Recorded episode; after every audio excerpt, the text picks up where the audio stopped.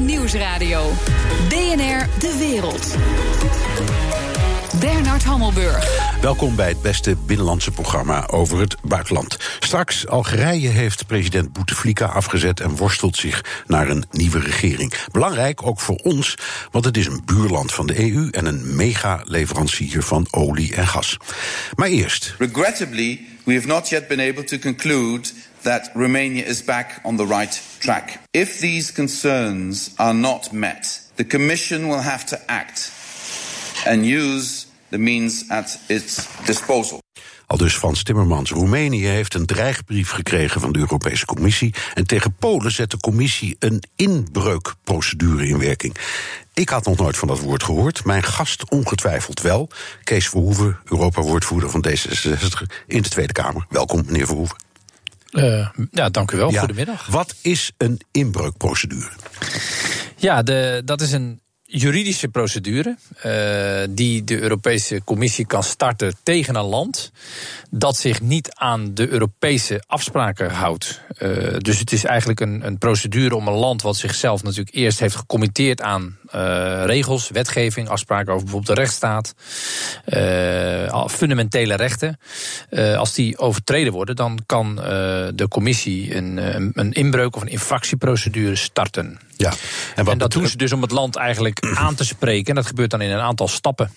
Ja, en wat, wat betekent het feitelijk? Is het een soort ja, rechtszaak tegen dat land dan? Uh, ja, en dat kan uiteindelijk ook. Uiteindelijk kan het Hof van Justitie, het Europese Hof van Justitie, daar ook een rol in gaan spelen. Het begint eigenlijk met een administratieve stap, waarin de commissie eigenlijk op meer inhoudelijke gronden zegt: van nou, dit is niet in orde. Dan moet het land uitleggen waarom het zo is. Dat, dat kan op allerlei gebieden zijn. Uh, als het maar betreft een Europese afspraak waar een land zich niet aan houdt. Vervolgens kan het land gedwongen worden om stappen te zetten om de situatie te verbeteren. Dus een aanpassing van de situatie in het land om weer in de Europese afspraken te passen. En uiteindelijk kan het uh, na, uh, na, na verschillende tussenstappen ook leiden tot boetes en dwangsommen.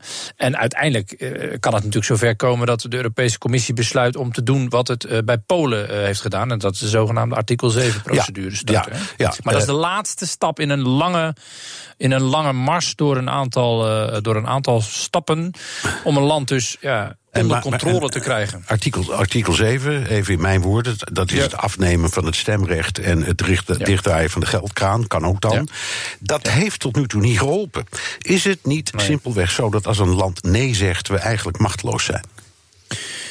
Uh, ja, dat is wat veel mensen uh, zo voelen. En ik moet zeggen dat ik vind dat in het geval van Polen en Hongarije. Hè, in, in Polen is het zo dat de commissie, de Europese Commissie, heeft gezegd: we starten de artikel 7 procedure. Uh, de commissie kan dat starten en dan moeten volgens de lidstaten moeten dat overnemen. En het probleem zit hem nu met name ook in die lidstaten. Die zitten bij elkaar in de Europese Raad.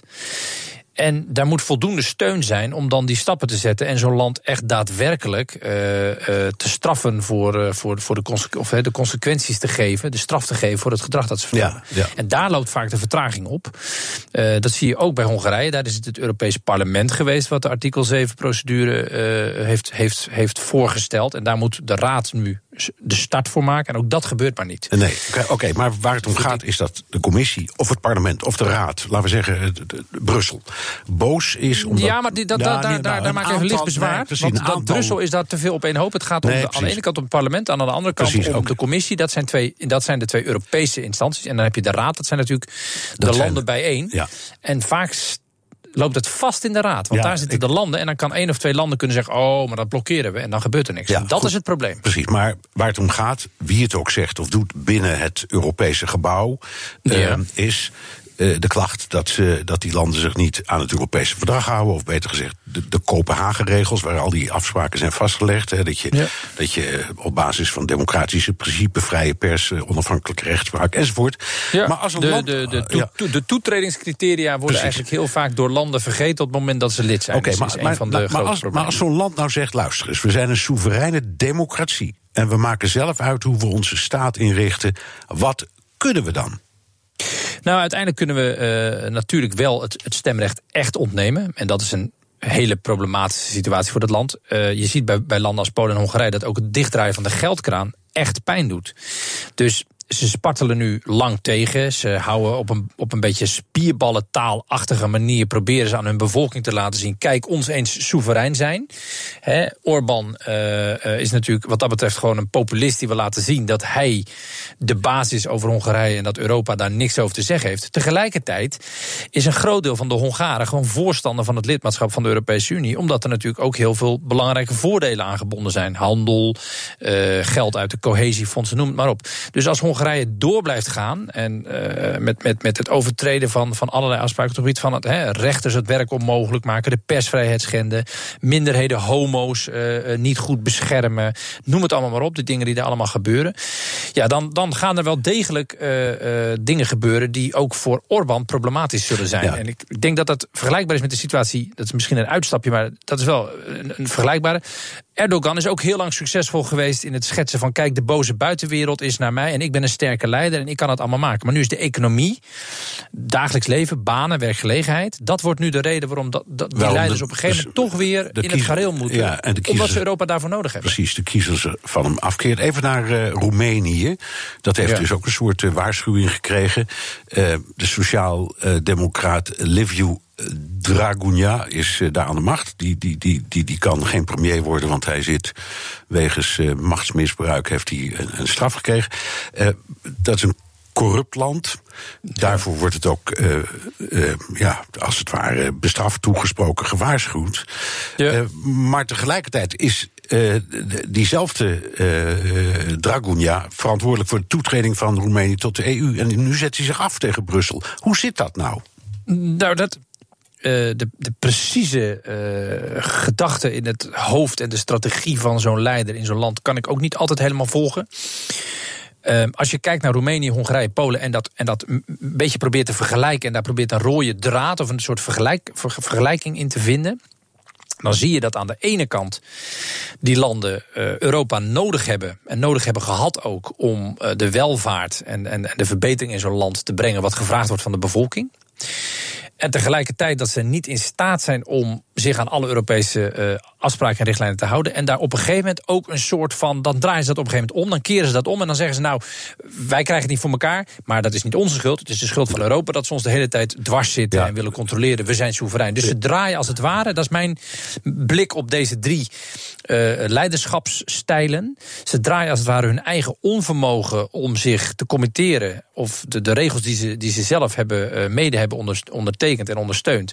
Om die te volgen. Het onvermogen draaien ze eigenlijk om naar een soort van populisme en soevereiniteit. Ja, maar ze hebben wel, ze zijn uh, allemaal populair in die landen, doen het goed in de peilingen. En is, hoe verklaart u dat nou? Is dat een soort nou, dat zijn die, dat is, dat is, wantrouwen tegen de Brusselse elite, Forum voor Democratie, emoties? Wat is het? Nou ja, dat is dat, dat populisme wat natuurlijk in heel Europa voet aan de grond heeft gekregen. En waar uh, uh, afhankelijk van het land tussen de 10 en 40 procent van de mensen gevoelig voor is. En waarbij je afhankelijk van het kiessysteem als grootste partij soms op basis van die groep mensen ook echt de macht kan grijpen in het land. Uh, dus, en het is soms ook, zijn het ook leiders die het populisme afdekken door zelf als het ware in hun leiderschap steeds populistische maatregelen te kiezen. Dus dat kan ook zijn. Wat dat betreft is Orbán en, en uh, uh, de, de, leiding in Polen, dat, is natuurlijk, dat zijn echt gewoon hele uh, ja, hele extreme voorbeelden van, van leiders die gewoon zeggen: nou ja, wij lappen eigenlijk alle afspraken aan de laars, want wij zijn soeverein. Kijk mij de sterke man zijn. Ja.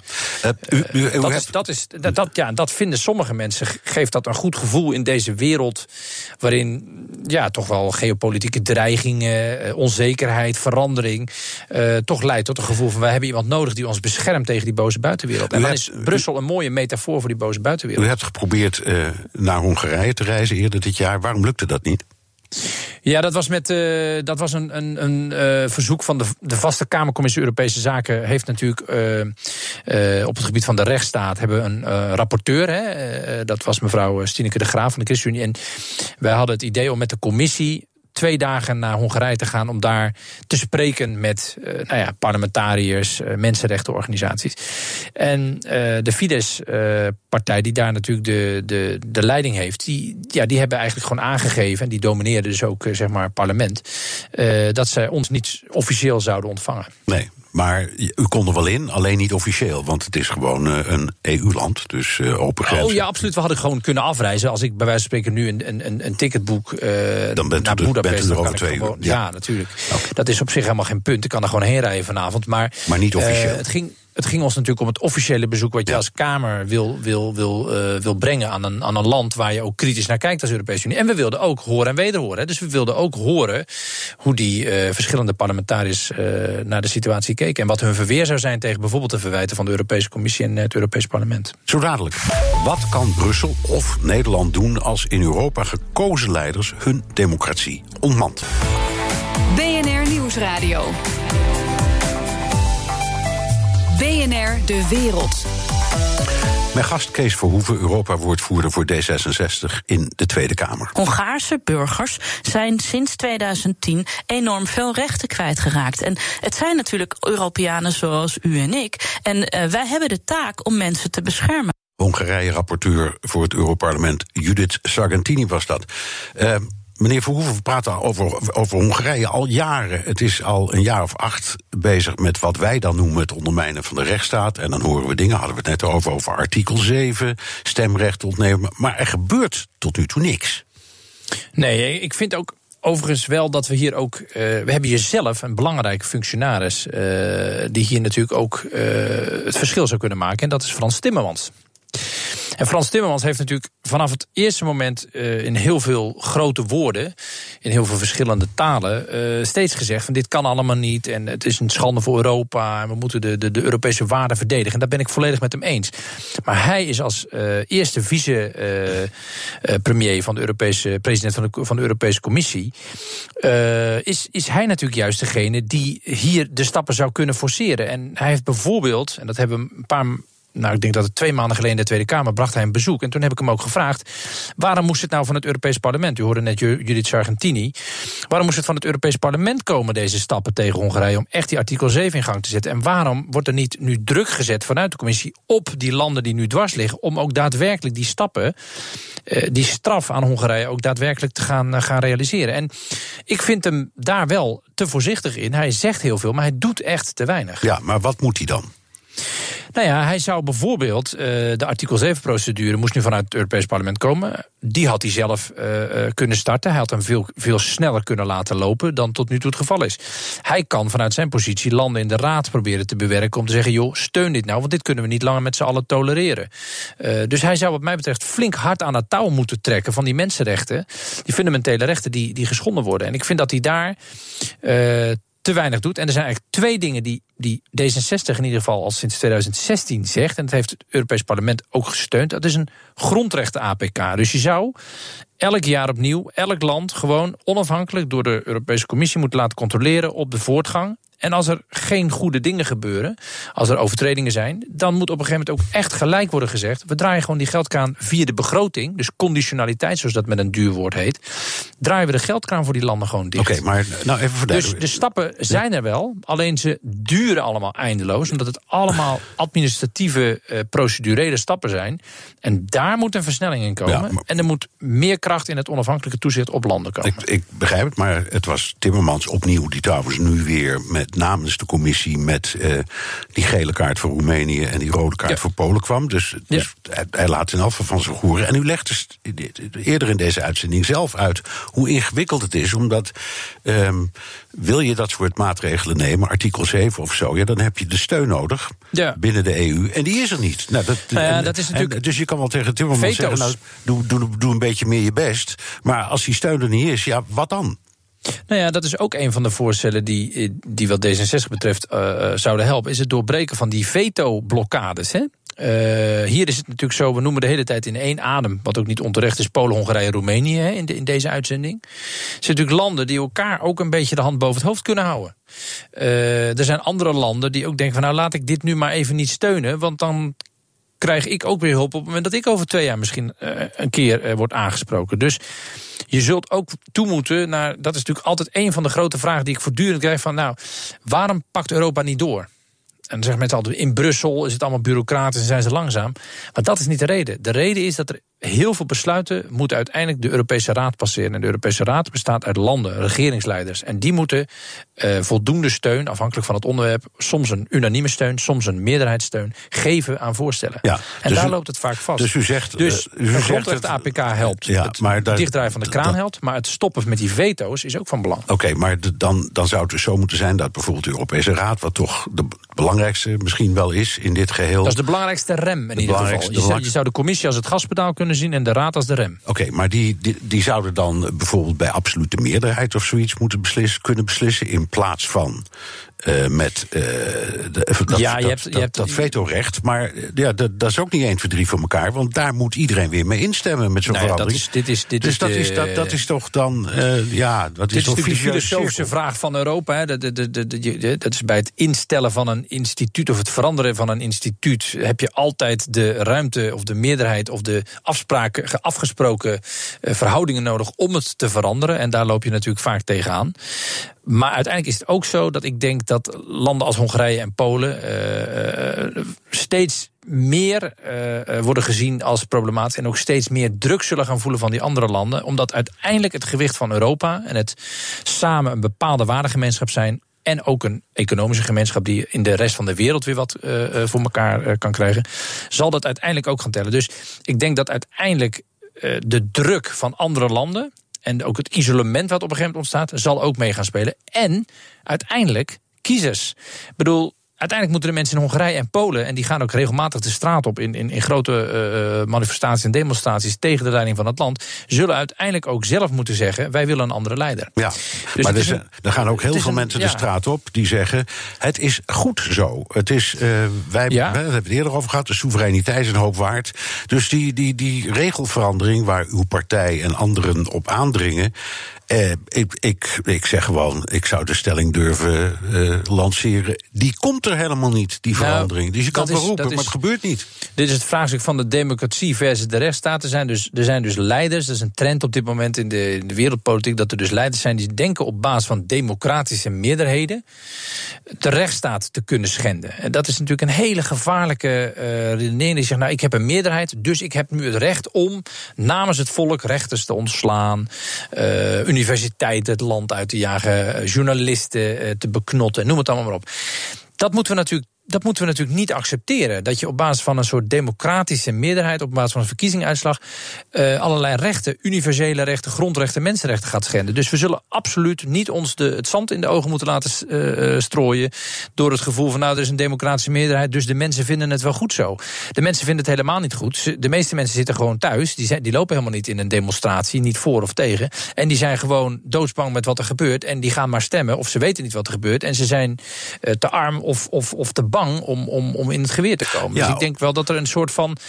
Uh, je moet niet je alleen maar door de democratie laten leiden. Want dan ga je, de rechtsstaat, ga je volledig voorbij aan de rechtsstaat. En de rechtsstaat zijn ook gewoon Europese eh, verdragen. die wel degelijk van groot belang zijn. Ja, maar het zijn verdragen. Nou, door de, de ogen van de Roemenen en de Hongaren en de Polen. die allemaal rusten op, ik zal maar zeggen, in hun ogen de wat elitaire, snobistische opvattingen van de oprichters van de Europese Unie. Het zijn allemaal West-Europese uh, uh, ideeën. En, en ja, je ziet in landen als Italië en misschien tot op zekere hoogte ook in, in Oostenrijk, dat zelfs daar uh, het tij uh, Nou ja, je zou kunnen zeggen dat er ook in Nederland zijn er ook partijen die, die, die weer, weer, weer morrelen aan bepaalde rechten of afspraken. Dus het gebeurt in elk land en dat is ook helemaal niet per se direct uh, iets wat heel zorgelijk is. Nee, maar, het is zorgelijk als je vast kan stellen dat uh, mensenrechten, uh, die we eigenlijk allemaal belangrijk vinden, persvrijheid, het beschermen van minderheden, onafhankelijk gekozen rechters, als dat soort belangrijke afspraken worden, met voeten worden getreden, dan vind ik niet dat je te snel in een soort cultuurrelativisme moet gaan zitten van nou dat zijn West-Europese afspraken en daar hebben andere landen niks mee. Want ze hebben zelf ook gekozen om mee te doen, deel te nemen aan die afspraken. Ja maar toen ze, lid werden. Maar ze zeggen nu, dat was toen, dit is nu. En waar staat dat, wij, nou, dat wij niet kunnen Dan zeg ik tegen Polen, uh, het Polen van 1980 en het Polen van van uh, 2019 is een heel ander Polen als je gewoon door het land rijdt met de auto. Het Polen van 1980, nou ja, ik was toen vier, dus ik kan niet zeggen dat ik het met eigen ogen gezien heb, maar wel op foto's, plaatjes en, uh, en geschiedenisboeken. Dat was natuurlijk een, een heel ander land qua welvaart en, en infrastructuur en, en gebouwenkwaliteit dan, dan nu. Dus dat, uiteindelijk zal Polen ook zien, en dat geldt ook zeker voor Hongarije en voor uh, Roemenië, denk ik ook, dat het, het, grootste deel van de mensen wil gewoon lid blijven van de Europese Unie. En daar horen dus ook afspraken bij, die misschien niet allemaal even belangrijk voor je zijn, maar die wel een afspraak zijn die ons als geheel in de wereld bij elkaar houdt. Ja, laten we het even in het uh, laatste stukje betrekken op Nederland zelf. Hè. We hebben die affaire gehad van de UWV-fraude. Ja. Uh, er werken heel veel Polen en Roemenen in Nederland. Um, ja. En uit die UWV-fraude, ja, daar was toch, kwam toch heel duidelijk uh, een grote mate van onmacht naar voren. Wat, wat kunnen wij bijvoorbeeld in Nederland doen, of zijn we gewoon compleet hulpeloos? Nou, we zijn niet compleet hulpeloos. Uh, ik vind overigens een, een ander mooi voorbeeld. Die UWV-fraude is, is, is een voorbeeld waarbij je inderdaad wel ziet dat het lastig is om het op te lossen. Maar dat, een ander voorbeeld waarbij het juist ineens weer heel anders ging, is dat WW-exportverhaal. Dus het feit dat, dat was deze week in het nieuws, dat dus de Nederlandse, uh, de, de, de, Nederlandse verzet in de Tweede Kamer tegen die uh, WW-aanvragen vanuit andere landen. Dat was een grote zorg. En daar bleek uiteindelijk gewoon dat een grote groep mensen, of een grote groep landen, mede ook onder aanvoering van Nederland, uiteindelijk voor elkaar kreeg dat dat wel gestopt is.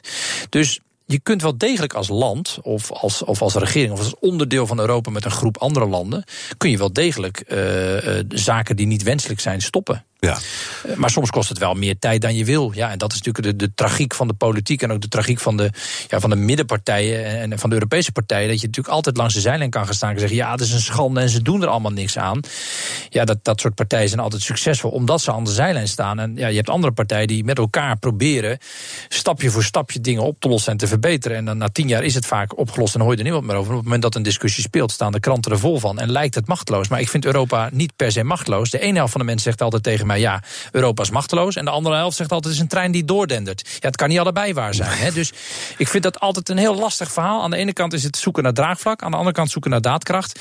En de kritiek valt altijd in twee kampen uiteen. Maar er zijn ook heel veel mensen die vinden dat Europa juist veel te machtig is. En daarom zijn al die populisten zo populair. Die zeggen, ja, Europa bepaalt alles en we leveren allerlei soevereiniteit in. Dus Europa kan juist ook heel veel bereiken. En ik denk dat een aantal grote problemen die op dit moment in de wereld spelen, alleen door Europa kunnen worden opgelost. Dat is in ieder geval de inzet van D66 om de grote grensoverschrijdende problemen niet als eigen soeverein landje te doen. In een soort van uh, cultuurhistorische droom van fantastisch dat we het allemaal zelf kunnen, maar dat we dat met z'n allen doen. Ja, en dat vergt soms wat langere samenwerking en overleg, maar uiteindelijk leidt het wel tot betere resultaten. Dank. Kees Verhoeven, Europa-woordvoerder voor D66 in de Tweede Kamer. BNR Nieuwsradio. BNR De Wereld. Bernard Hammelburg. De man die 50 mensen doodschoot in Nieuw-Zeeland gaf geld aan een extreem rechtse groep in Oostenrijk. Een donatie die gevolgen, blijkt te hebben voor de geheime diensten in Wenen. Hoe die twee zaken met elkaar samenhangen, bespreek ik met Europa-verslaggever Jesse Pinster. Jesse, laten we bij die betaling van de Christchurch-schutter beginnen. Aan wie maakte hij geld over? Ja, hij heeft vorig jaar 1500 euro overgemaakt naar de identitaire beweging Oostenrijk. Dus de identitaire beweging, laten we het zo maar even noemen. Dat is een extreemrechtse groep. Het zijn een beetje de hipsters onder de neonazies, eh, zoals we die van vroeger uh, kennen. Worden in Oostenrijk geleid door Martin Sellner. En die heeft dus contact met deze Christchurch-schutter gehad. Hij noemde dit tegen de, uh, tegenover de New York Times een genereuze donatie waar ik hem voor bedankt heb. Maar er zijn ook nog wel wat meer mailtjes uh, op en neer gegaan. Uh, die schutter is zelf trouwens ook in Oostenrijk geweest uh, vorig jaar. Maar Selner ontkent in ieder geval dat hij hem toen ook echt ontmoet heeft. Ja, ik kan me voorstellen dat de Oostenrijkse geheime dienst onderzoek doet naar contacten tussen de schutter en die extreemrechtse organisatie in Oostenrijk. Ja, er is een uh, inval geweest bij deze Selner, maar er is een beetje een, een, een, probleem of een zorg rond die Oostenrijkse veiligheidsdiensten. En dat heeft ermee te maken dat ze eigenlijk allemaal onder ministeries vallen die geleid worden door FPE-ministers. De FPE, de behoorlijk rechtse politieke partij die in de regering zit. En eigenlijk vanaf het begin af aan was er de vrees of een beetje de zorg dat zij niet echt hard zouden willen optreden tegen rechtse groepen, met wie ze misschien zelfs wel uh, banden zouden kunnen hebben. Nou, blijkbaar heeft de bondskanselier Sebastian Kurz gezegd: nou ja, nu, nu vind ik het wel mooi geweest. Nadat ik dit ook gehoord heb. Dus hij heeft deze week besloten dat die veiligheidsdiensten in ieder geval direct aan hem moeten gaan rapporteren. Dus, om, om het toch een beetje vriendelijk te houden, moeten ze ook rapporteren naar de vice-kansler. Uh, dat is namelijk de leider van de FPÖ. Nou ja, maar hij wantrouwt dus zijn eigen ministers, dat kun je keurig zeggen. Is er nou echt contact tussen de FPÖ en die identitaire beweging Oostenrijk? Ze schuren een beetje tegen elkaar aan. Om twee voorbeelden te noemen. De minister van Binnenlandse Zaken, die dus over een deel van die veiligheidsdiensten gaat. Herbert Kiekel, die heeft wel eens op een congres gesproken. waar ook wel erg veel mensen van die identitaire beweging aanwezig waren. Later zei die minister daar zelf over dat het een heel fijn publiek was. En hele goede mensen, precies zoals ik het uh, graag zou zien. En dan is er nog het verhaal rond Villa Hagen. Dat is een villa in uh, Linz. En daar uh, zijn nogal wat FPE-mensen die hebben daar kantoor. En dat geldt ook voor die identitaire beweging. Dus ze schuren wat dicht uh, tegen elkaar aan. Er is wel wat wederzijdse sympathie. Die Zelnar, die leider van die identitaire, die zegt ook van Kiekel... dat is de beste minister die we ooit gehad hebben. Verder zegt de FPE natuurlijk, we hebben geen banden. Je mag niet van beide clubs lid zijn. Maar het zit hem vooral ook in dat ja, die ideologische uh, verbanden die zijn. Bijvoorbeeld zo'n samenzweringstheorie als de Great Replacement. Dat de elite, de, li uh, de liberale elite, de Europese bevolking wil vervangen door een niet-Europese bevolking, door migratie en dat soort dingen. Die theorieën die hoor je echt terugkomen bij, bij hun. Stond in het manifest van de Schutter. Het stond in een filmpje van die leider in Oostenrijk van de identitaire beweging. En ook de leider van de FPE, die heeft er wel eens verwijzingen naar gemaakt. Ja, maar het komt erop neer dat de bondskanselier zegt... ik vertrouw mijn eigen coalitiegenoot niet. Ja, al zal hij dat nooit zo hard uh, kunnen zeggen natuurlijk. En waar nog veel meer wantrouwen is... is eigenlijk bij andere spionnen uit het buitenland... die vertrouwen hun Oostenrijkse collega's niet meer... omdat die ministers daar wellicht invloed op zouden kunnen hebben. En de grootste angst ontstond vorig jaar... toen de politie een inval deed bij de geheime diensten in Wenen. Dus je stuurt je politie naar je eigen geheime dienst om daar eens een paar documenten weg te gaan halen. Dus er zijn vele verhalen geweest over het afgelopen jaar dat ze informatie eigenlijk niet meer zo graag willen delen met die Oostenrijkers. Ook omdat diezelfde FPE ook vrij goed bevriend is met Poetin. Die hebben ooit een verklaring ondertekend dat Verenigd Rusland, de partij van Poetin, dat dat nou, een vriendschapsverklaring was. En je had die minister, weet je nog, dat Poetin op haar huwelijk kwam en toen een heel kozakkenkoor meenam. Weet je, dus ja, die spionnen van buiten Wenen, die hebben zoiets, die Oostenrijkers, die geven we even, maar niet al te veel informatie. Dankjewel, Europa-verslaggever Jesse Pinster. BNR Nieuwsradio. BNR De Wereld. Twintig jaar hield de Algerijnse president Bouteflika de macht. Nu ruimt hij onder druk van massale protesten het veld. De Algerijnen willen een tweede rubriek, republiek en een nieuwe grondwet.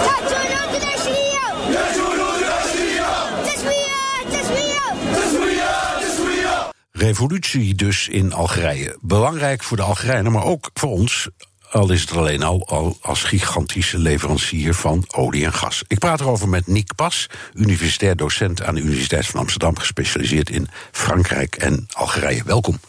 Goedemiddag. Ja, Bouteflika is weg, bijna weg. Wat willen ze nu nog bereiken? Nou, deze ronde hebben de Algerijnen gewonnen, zoals ze zelf zeggen. Uh, de slag is gewonnen, maar nog niet de oorlog. Uh, ze willen dat het systeem ook uh, plaats maakt. En ze streven naar een tweede republiek, zoals dat wordt genoemd. Dat klinkt zo mooi Frans trouwens. Ja, ja maar er zitten heel veel, heel veel parallellen wat dat betreft. Dus um, nee, dat klopt. En, um, en ja, dus, dus, ze zijn nog niet klaar met, met deze revolutie. En, en wat, zou die, wat betekent die tweede republiek? Ja. Niet zozeer letterlijk, maar vooral als metafoor voor Als metafoor is dat ze uh, willen dat het uh, systeem op de schop gaat, dat de uh, oude machthebbers, de politieke elites, afstand doen van de macht en er een, vooral ook een nieuwe generatie naar voren komt, die, zo hopen ze dan, en dat is natuurlijk ook dat revolutionaire elan, die het beter zal voor hebben met die maatschappij en met, met henzelf. Ja, en, en die niks meer te maken heeft met de oude dagen van de revolutie tegen Frankrijk en de onafhankelijkheidsbeweging en dat soort dingen. Nou ja, nee, want die oude revolutie is wel nog een referentiepunt. Maar de Algerijnen zeggen nu op straat. Uh, uh, toen we onafhankelijk werden in 1962, hebben we ons land bevrijd. En nu willen we onszelf bevrijden. Dus van deze uh, machthebbers die ons eigenlijk niet de vrijheid hebben gegeven die we willen. Nee. Betekent dat dat de protesten die duren nou al iets van anderhalve maand, dat die voortgaan, dat die voortduren? Ja, dat verwacht ik wel. Um, dus morgen is het uh, ja, dus vrijdag. Dus dan is, is alweer de verwachting dat er miljoenen Algerijnen de straat op gaan. Um, de protesten zullen zeker niet uh, uh, afnemen nu Bouteflika definitief weg is. Nee, en hoe staat het met hun kansen? Want ehm, ze, nou, ze zijn tot, ze zijn, ik zeg het niet militant. Het, het, ziet er, het, ziet er, allemaal, vind ik, voor een land dat toch heel veel heeft meegemaakt, buitengewoon beschaafd en vriendelijk uit. Ja. Maar ja, dat gold ook voor een aantal van de Arabische lentes destijds toen ze begonnen. Dus je weet maar nooit. Nee, dat klopt. Um, met deze kanttekening dat uh, tot nu toe uh, het, er eigenlijk sprake is van een fluwele revolutie. Dus kunnen we dat gerust noemen. Dus uh, geweldsuitbarstingen hebben zich eigenlijk niet voorgedaan, afgezien van wat, wat incidenten rond demonstraties. Um, een van de, van de ja, fascinerende eh, elementen rond die demonstraties vind ik zelf dat na afloop in downtown Algiers demonstranten zelf de rommel opruimen. Dus, dus er is een hele aparte sfeer. Het gaat eigenlijk heel vreedzaam aan toe. Um, ja, en de kansen, ja, dat is echt koffiedik kijken.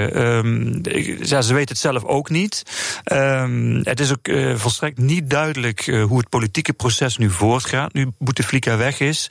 Um, en uh, of het inderdaad zal komen tot wat eigenlijk de Algerijnen over het algemeen willen: een nieuwe grondwetgevende vergadering. Uh, aan de hand waarvan dus een nieuwe grondwet tot stand zal komen en daarna nieuwe presidentsverkiezingen. Ja, het gaat ook over de economie uh, en over corruptie. Hoe staat het met de economie en hoe ernstig is die corruptie in Algerije? Nou, de, de, de economie, het is een, een, een economie die afhankelijk is, uh, zeer sterk afhankelijk is van olie- en uh, gasinkomsten. Um, en um, in principe is Algerije een heel rijk land, heeft grote reserves, maar heeft ook diep moeten tasten in die reserves in de afgelopen jaren, toen de olieprijzen begonnen te dalen. Um, en het probleem is een beetje dat de economie onvoldoende gediversifieerd is. Dus het is een vrij, ja, een economie die alleen maar afhankelijk is van olie- en, en gasgelden. En, en, verder, niks, verder hebben ze niks niet produceert. Nee. nee veel te weinig. Um, terwijl de potentie, dat wordt eigenlijk altijd gezegd, de potentie is er wel. Hè. Dus een grote bevolking, een jonge bevolking. Uh, een land dat uh, ook op het gebied van landbouw alle mogelijkheden biedt, et cetera, et cetera. Um, en het feit dat, dat, dat die economie eigenlijk heel stroperig, heel, heel vast zit, heeft ook alles mee te maken met, met ja, de weligtierende corruptie, die toch heel algemeen verbreid is. Ja, en, um, en, en hoe groot is die? En, en wat zijn nou de belangrijkste elementen daarvan dan, van die corruptie? Waarom nou, is dat zo? Ja, om een mooi voorbeeld te, te geven. Um, de nationale uh, energiereus, Sonatrach, dat is een enorm bedrijf, een staatsbedrijf, dat zich dus bezighoudt met die olie- en aardgaswinning.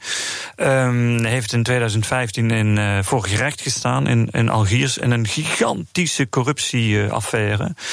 Um, en die, waarbij dus topmanagers werden beschuldigd, dus tientallen personen uh, zijn beschuldigd van witwaspraktijken, smeergeldaffaires, uh, het uh, toe-eigenen van publieke middelen, het betalen van smeergeld aan allerlei organisaties, ook internationaal, ja, om allerlei zaken voor elkaar te krijgen. en dat is iets wat de Algerijnen, de gewone Algerijnen in de straat, eigenlijk al jaren een doorn in het oog is. Ja. Dus er is heel veel geld, het land is heel rijk, maar het blijft voortdurend hangen in bepaalde zakenkringen, politieke kringen en uh, vloeit onvoldoende op de juiste manier naar de bevolking. Naar de bevolking is overigens, net als in andere Noord-Afrikaanse landen, bijvoorbeeld Egypte, um, ook zo'n enorme grote hoeveelheid goed opgeleide jongeren die geen werk heeft. Want dat, ja. is, dat is een beeld, dat zie je heel veel daar. Ja, de, de, de Algerijnse bevolking is heel jong, ongeveer 40 miljoen Algerijnen. Uh, nou, de cijfers variëren een beetje, maar nou, we kunnen wel vanuit gaan de helft jonger dan, uh, dan uh, 30. Um, ja, en de meesten hebben gewoon eigenlijk onvoldoende uitzicht op werk of, of huisvesting.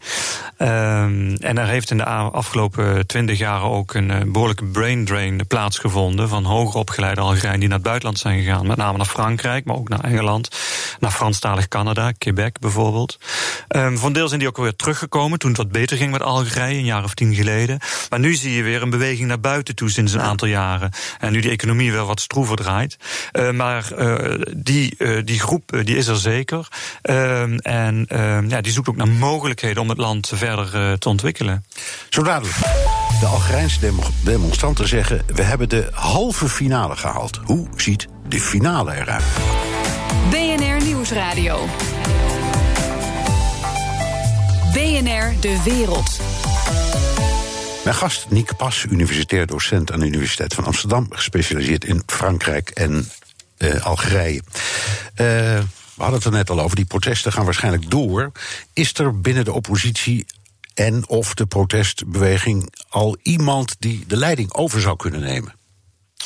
Ja, oppositie, je kunt beter spreken van opposities. Het is een ongelooflijk gefragmenteerd en, en, en uh, uh, divers gezelschap. Uh, vele partijen, bewegingen, ook nieuwe. Uh, nou, er zijn allerlei namen die rondcirculeren. Eentje die steeds naar, naar, naar voren komt is Bouchachi, Mohamed. Ehm, Bouchachi is een jurist van oorsprong. Oud-voorzitter ook van de Algerijnse Liga voor Mensenrechten. Ehm, Oud-parlementariër ook. Is een aantal jaren heeft hij in het parlement gezeten maar en dat is heel interessant. Hij heeft toen ook de pijp aan Maarten gegeven. Want hij zei van, in het parlement kan ik niks voor elkaar boksen... want de regering luistert toch niet naar wat wij doen. Um, en dat heeft hem heel veel krediet opgeleverd. En dat was in 2014. Um, tegelijkertijd is hij ook een beetje een, een ja, een controversiële persoon. Um, uh, omdat hij in uh, de jaren negentig uh, een aantal keer als jurist jihadisten heeft verdedigd. Ja. En ja, daar zijn toch heel veel Algerijnen die het met die stellingen niet, niet eens zijn. En dat nemen ze nog steeds kwalijk. Ja, laten we daar even op ingaan. In die tijd uh, hebben de jihadisten, om het maar even makkelijk te houden, democratisch de verkiezingen gewonnen. Ja, dat klopt. Ja, toen, dus de kwam... Islamitische partij won in 1991 ja. uh, de verkiezingen. En ja. toen kwam er een soort staatsgreep om dat te blokkeren. Waar in de westerse wereld overigens met een soort opluchting op werd gereageerd. Ja. Daarop volgde dan uh, een burgeroorlog van iets van drie jaar. Uh, uh, en je zou kunnen zeggen, een jurist zoals deze man, die had wel een punt. Want die jihadisten hadden gewoon eerlijk de verkiezingen gewonnen. Ja. En die hadden recht op uh, juridische bijstand. Ja. Dus ja, ik, ik zou niet in zijn schoenen willen staan, maar toch. Nee, nee, zeker. Uh, maar het ligt heel, heel gevoelig allemaal. Omdat natuurlijk die burgeroorlog uh, die was natuurlijk gruwelijk uh, in de jaren negentig. 200.000 doden, geloof ik, of zoiets. Ja, cijfers variëren, maar in ieder geval ongelooflijk veel slachtoffers, veel te veel. Um, en um, wat er vervolgens gebeurd is na die burgeroorlog, is dat er eigenlijk een algemene amnestieregeling is afgekondigd. Zowel naar het leger toe, omdat ook niet helemaal duidelijk was wat de rol was van het leger en allerlei veiligheidsdiensten. en naar de, de islam islamieten, uh, de jihadisten uh, toe, die strijdgroepen en ook uh, de politieke takken daarvan. Um, en dat is in Algerije dus van bovenaf door de politiek eigenlijk met de mantel der liefde bedekt aan beide zijden. Maar er zijn natuurlijk heel veel Algerijnen nogmaals die daar nog steeds de pijn van voelen en die zoiets hebben. Mensen moeten voor ja. het gerecht komen. Ja, dat begrijp ik, zou ik ook vinden trouwens, denk ik. Aan de andere kant kun je zeggen, het getuigt ook wel misschien in zulke moeilijke omstandigheden na zo'n gruwelijke periode van staatsmanschap om te zeggen, we moeten de strijdbijl begraven, we moeten door. Ja. En daarin speelde Bouteflika een hele belangrijke rol. Ja, hij is de architect ja. van uh, dat bestand, laten we het zo zeggen. Uh, hij is eigenlijk via het leger uh, boven komen drijven in 1999. Ehm, en ehm, heeft toen presidentsverkiezingen die werden georganiseerd gewonnen. en is vervolgens twintig jaar dus aan de macht gebleven. Ja. En dus denk ik dan, als je naar die man kijkt, ja, zelfs nu in zijn rolstoel uh, als, als uh, ja, voortgeduwde kastplant bijna, als je die beelden zo ziet. Dan denk je, ja, maar het is toch wel een mythische figuur. En als ik Algerijn was, dan zou ik zelfs als ik tegen hem was, toch enige twijfel hebben. Het is een beetje de vader van het moderne vaderland. Ja, nou, ik weet niet of alle Algerijnen het daarmee eens zullen zijn. Ehm, hij heeft ongetwijfeld uh, zijn verdiensten. Dat, dat zullen uh, veel Algerijnen zeker uh, erkennen. het is natuurlijk een historische figuur die is voortgekomen uit de revolutie tegen de Fransen in de jaren 50. Jarenlang in de jaren 60 en 70 minister van Buitenlandse Zaken was. Dus ook echt iemand al met een politieke, een politiek statuut. Um, vervolgens een tijdje weg is geweest. En dus in 1999 als een soort redder des vaderlands. want daar kwam het natuurlijk wel op neer. Weer naar voren is geschoven. En eigenlijk in die eerste, dat eerste decennium, de jaren nul om het zo te zeggen, uh, eigenlijk ja, nou ja, uh, ervoor gezorgd heeft dat Algerije weer uh, op de kaart kwam. En dus afrekende via dat bestand, via die amnestieregelingen met dat lode, zwarte decennium. En, um, maar ik, hoor, ik hoor je ook zeggen en denken en je ziet, ik zie je pijnzen. Ja, maar deugen deed hij ook weer niet. Nee, het punt is, kijk, als hij op dat moment. Uh, uh, want er waren een aantal termijnen dat hij president kon, kon zijn. Ja. Nou, hij heeft de grondwet veranderd. Dat, dat hij nog een keer, een, een, derde keer en een vierde keer uh, mee kon doen aan die presidentsverkiezingen. Dus hij is eigenlijk heel simpel gezegd gewoon te lang op zijn zetel blijven zitten. Um, en um, het feit dat hij um, in 2014 bij de vorige verkiezingen zich al kandideerde, dat was wel een doorn in het oog van veel Algerijnen. Want uh, toen was hij al ziek. En het was ook wel voor iedereen duidelijk van nou, het is tijd voor een nieuwe persoon, nieuw figuur. En dat hij zich nu weer gekandideerd heeft. Iemand die eigenlijk niet meer zichtbaar was, niet meer deelnam aan het publieke debat. En ook als president in zijn rol eigenlijk niet meer kon geven wat uh, een, een, land van, van een president uh, vraagt. Was dat toch wel de, de, de spreekwoordelijke druppel. Uh, en de Algerijnen voelden zich ook niet meer serieus genomen. Hè? Niet door de president die afwezig was, maar ook niet meer in het, ten aanzien van de wereld. We hebben een president in een rolstoel die niemand ziet. En uh, bovendien iemand die dus heel sterk dat uh, uh, regime, dat als het ware ja, verkalkt, in zichzelf gekeerd was, vertegenwoordigde. En waarvan ook heel erg duidelijk was van ja, als samenleving levert dit ook niets meer op. Nee. Dus, en, nou ja, het is ook, was ook krankzinnig. aan de andere kant, er zijn mensen om hem heen, er waren mensen om hem heen. Die zag je ook steeds rondom die rolstoel die konden toch gewoon tegen hem zeggen: vriend, het is tijd.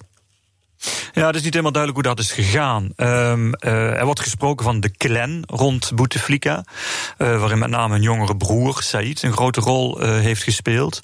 Um, maar er zijn ook andere machtsstructuren aan de top in Algerije. In kringen van het leger, van veiligheidsdiensten, maar ook in kringen van uh, de voormalige, of van het, van het FLN, dus de partij die Algerije naar de onafhankelijkheid heeft gevoerd. En in kringen van oligarchen, die allemaal op elkaar inwerken, elk met eigen belangen. En die hadden die clan zich ook bewogen. Ja, die hadden natuurlijk belang bij de status quo. Die, die hadden belang daarbij. Ja. Die wisten ook wel dat die president er eigenlijk niet meer was, maar die vond het mooi Precies, zo. ja. ja. En hoe machtig zijn die? Want dat is waar de demonstranten het tegen moeten opnemen. Ja, dus dat is wat, zoals ze dat dan noemen, het systeem. Dat natuurlijk een heel vaag, uh, uh, ja, een abstractie is. Um, maar zeker als je kijkt naar het leger, zeer machtig. Um, de stafchef van het leger is eigenlijk de architect van het feit dat Bouteflika nu afstand heeft gedaan van de macht. Want eigenlijk wilde die kringen rond Bouteflika, die wilde dat eigenlijk nog niet. die zochten toch naar een wat langer durende uh, uitweg. Uh, maar uh, Gaid Salah, dus de uh, stafchef van het leger, die heeft hem naar buiten ge gemanoeuvreerd. En dat is eigenlijk ook te verklaren uit het feit dat hij zelf ook zijn eigen machtspositie wil veiligstellen. Want Gaid Salah is ook iemand die al jaren meedraait in dat wereldje. Hoort ook bij de kliek. Die hoort ook bij de kliek. Ja. Nou, ja. nou, even, we doen net af en toe Algerije, ja, het is ver weg. En uh, er is al zoveel jaren wat aan de hand. Wat kan het ons eigenlijk schelen? Nou, een heleboel. Uh, Spanje is uh, afhankelijk van Algerije voor gas. Frankrijk heeft een hele grote Algerijnse minderheid. Als de, destijds al na de onafhankelijkheid. Nederland haalt gas uit het land. Wat voor gevolgen kan een instabiel Algerije hebben voor ons? Nou, die zal niet alleen gevolgen hebben als het daarvoor direct gevolgen heeft voor uh, energieleveranties.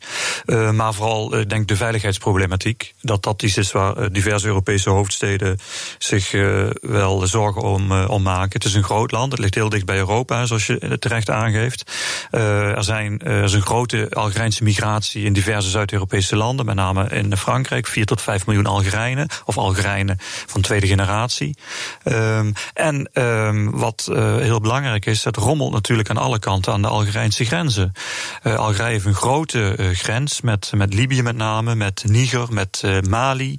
Nou, en daar is het natuurlijk op dit moment ja, volop hommeles. Ja, en um, heeft Algerije dat tot nu toe weten tegen te houden? De invloed daarvan? Want ik lees vaak stukken over die grensgebieden waar je toch allerlei. IS of Al-Qaeda-achtige groepen ziet, die zich daar hebben genesteld. En dat is dus ook gevaarlijk voor ons. Ja, nou ja, het is niet voor niks dat er een, een VN-vredesmissie naar Mali is uh, gestuurd. Um, en uh, dat daar met name ook uh, Franse troepen aanwezig zijn.